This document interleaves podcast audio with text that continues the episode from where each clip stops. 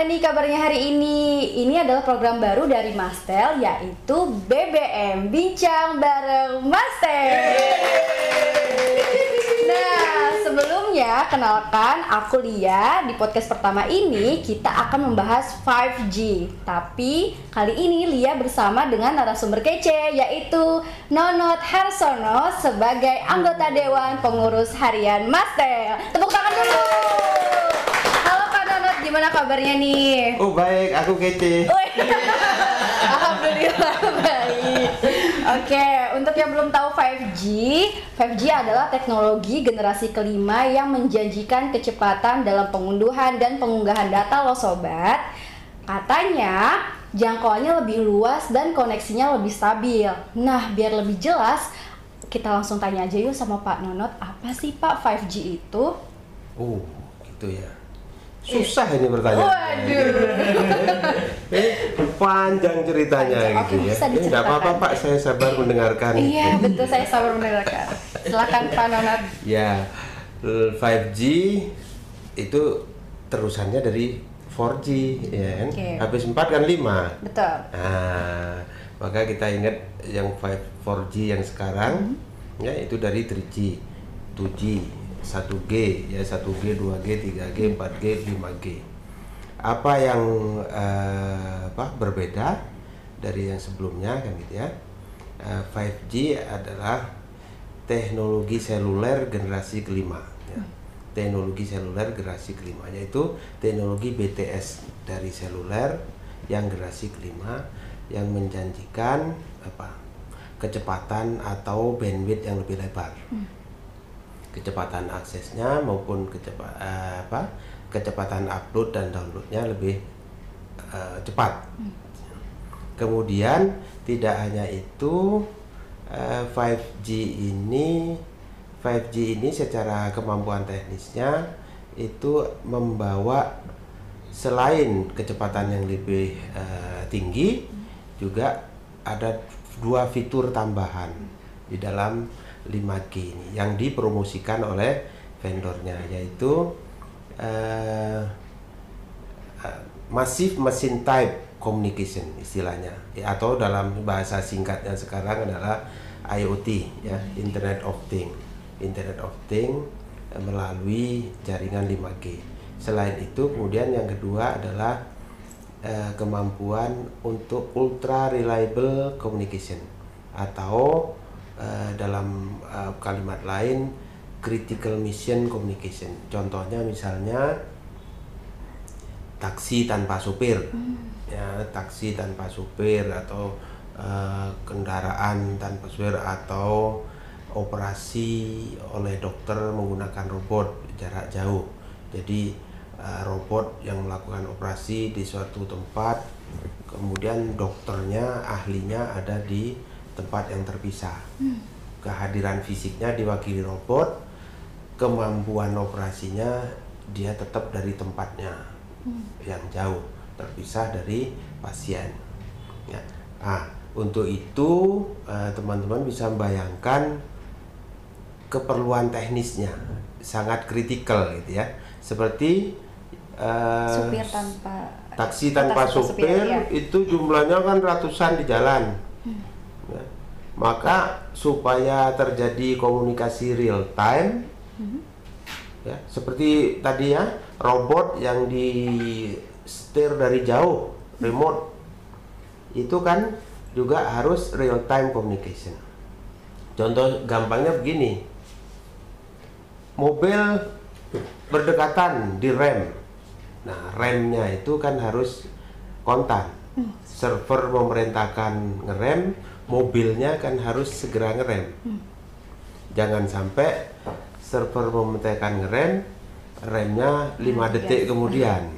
Sudah nabrak duluan. Iya, nah, maka itu diperlukan jaringan komunikasi infrastrukturnya yang 5G itu mulai dari BTS-nya sampai fiber optiknya sampai ke servernya itu nggak boleh ada delay. Tidak boleh ada delay. Sehingga di 5G itu ada tiga fitur eh, teknis yaitu eh, mobile broadband seperti biasanya ya. enhancement atau peningkatan dari 4G. Yang kedua adalah IoT. Sebetulnya ini adalah broadband IoT ya. Broadband IoT bukan uh, IoT yang untuk uh, apa mengukur temperatur, bukan itu. Tapi broadband IoT. Yang ketiga adalah uh, critical critical mission tadi.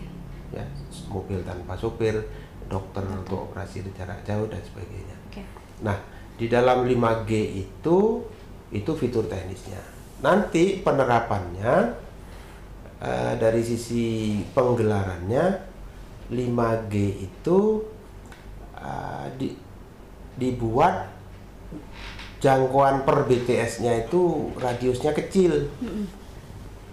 Kalau biasanya 4G itu masih satu kilo, ada satu kilo, ada dua kilo, ada per BTS itu nanti kalau eh, 5G itu eh, cuma bisa 100 meter, 200 meter, 300 meter gitu. Karena eh, bayangannya itu yang mau menggunakan jaringan 5G ini kan tidak cuma manusia, tidak punya eh, tidak hanya handphone, tapi juga bisa binatang piaraan yang dikasih kalung modem, ya. Biar nggak hilang ya Pak ya. ya bisa biar bisa dipantau nih di mana ini gitu ya. Atau anak kecil dikasih gelang di gelang apa Biar identitas hilang. ya. Bisa dilihat kalau anaknya kesasar di pameran atau di mall bisa dilihat di mana ini? Bisa dipantau. atau eh, pot bunga yang dikasih keran air solenoid otomatis. Bisa di apa kendalikan dari jauh kan gitu.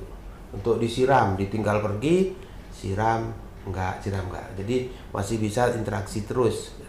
Kemudian jadi semua benda disambungkan ke jaringan kayak gitu harapannya gitu. Nah maka kita bisa bayangkan kira-kira masyarakat Indonesia akan sudah merasa begitu itu kapan gitu kan Oke. ya. Itu teknologi kan cuma alat bantu gitu ya. Jadi cara mikirnya itu teknologi itu cuma alat bantu untuk memudahkan kita menjalani kehidupan sehari-hari Iya. kira-kira kan seperti itu Wah menarik sekali Pak. Mungkin teman-teman jadi penasaran Pak. Menurut Kemenkominfo, Indonesia harus segera menjambut 5G. Menurut Pak Nonot gimana nih? Ya, eh, kita mesti teliti dalam memaknai kata menyambut, gitu Oke. ya. Bukan berarti menyambut langsung belanja, gitu ya.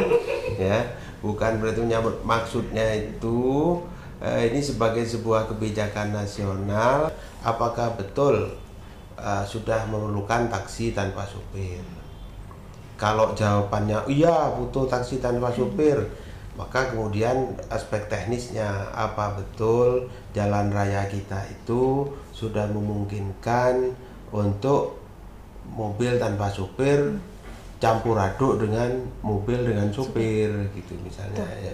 Kemudian yang berikutnya setelah apa bila dinyatakan eh, sudah siap menggunakan mobil tanpa supir apakah infrastrukturnya memenuhi syarat untuk diterapkannya?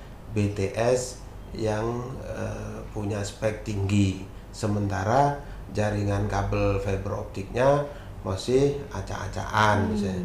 sehingga secara keseluruhan dari ujung ke ujung tidak mungkin digunakan untuk mobil tanpa supir misalnya seperti itu ya. Karena apa?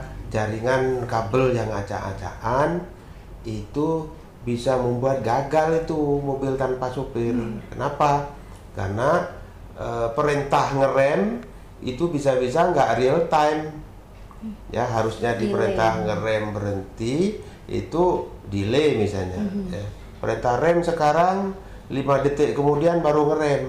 Sudah duk sudah sudah nabrak ya. Nabrak. Nah, itu kalau itu terjadi pada ratusan mobil apa nggak chaos kan gitu. Berarti harus stabil ya Pak jaringannya ya Pak ya? Harus bagus. Bukan hanya stabil. Bagus dan stabil ya. Maksudnya stabil itu kan sepanjang hari 24 7 24 jam kali 7 hari itu kualitasnya sama. Itu itu stabil namanya. Menurut Kementerian Kominfo menyambut 5G itu bukan langsung belanja gitu ya tapi menganalisa apakah Indonesia betul-betul memerlukan 5G. Kalau ya eh, kalau itu keniscayaan misalnya ada orang mengatakan oh pengembangan teknologi itu keniscayaan. Oh iya betul.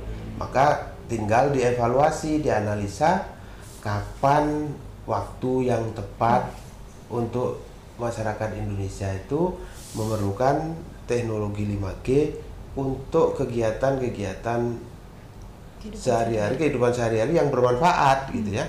Bukan yang bermanfaat. Nanti oh kami butuh 5G untuk apa? Supaya lebih asik nonton YouTube-nya. Hmm. nah ini gimana gitu. Hmm. ya kan nggak ada gunanya. Maka oh supaya lebih seru apa tidur tidurannya di rumah waduh tambah capek itu Iya, ya. Eh, tidak produktif belum lagi bahwa eh, belanja 5G secara akumulasi itu akan mengurangi devisa negara gitu. Akan menambah defisit neraca perdagangan Indonesia dengan negara luar misalnya gitu. Nah itu juga harus diperhitungkan Oke. jadi semua hal diperhitungkan eh, tidak hanya euforia dan tidak hanya takut dibully menjadi orang yang ketinggalan menggunakan teknologi terbaru. Enggak, kita harus punya sikap mandiri dan kita tidak perlu memuja-muja teknologi. Ya teknologi yang biasa-biasa gitu aja. Itu hanya alat bantu untuk melaksanakan kegiatan sehari-hari. Gitu aja. biar mempermudah juga ya Pak ya. ya. Oke, ternyata begitu loh teman-teman dan uh, masih banyak hal yang perlu dipelajari dari penerapan teknologi 5G sendiri ya Pak ya. Iya. Termasuk untung rugi dan aspek ekonomi serta manfaat untuk Indonesia. Terima kasih Pak Nonot sudah mau ngobrol sama Lia dan membagi informasi untuk teman-teman semua. Nah, teman-teman juga jangan lupa ya buat terus dengerin podcast BBM Bincang bareng Mastel yang bakal ada terus nanti kita up dan untuk teman-teman yang mau nanya-nanya bisa juga nanti di kolom komentar di sosial medianya Mastel. Eh, akhir kata, assalamualaikum warahmatullahi wabarakatuh. Dadah.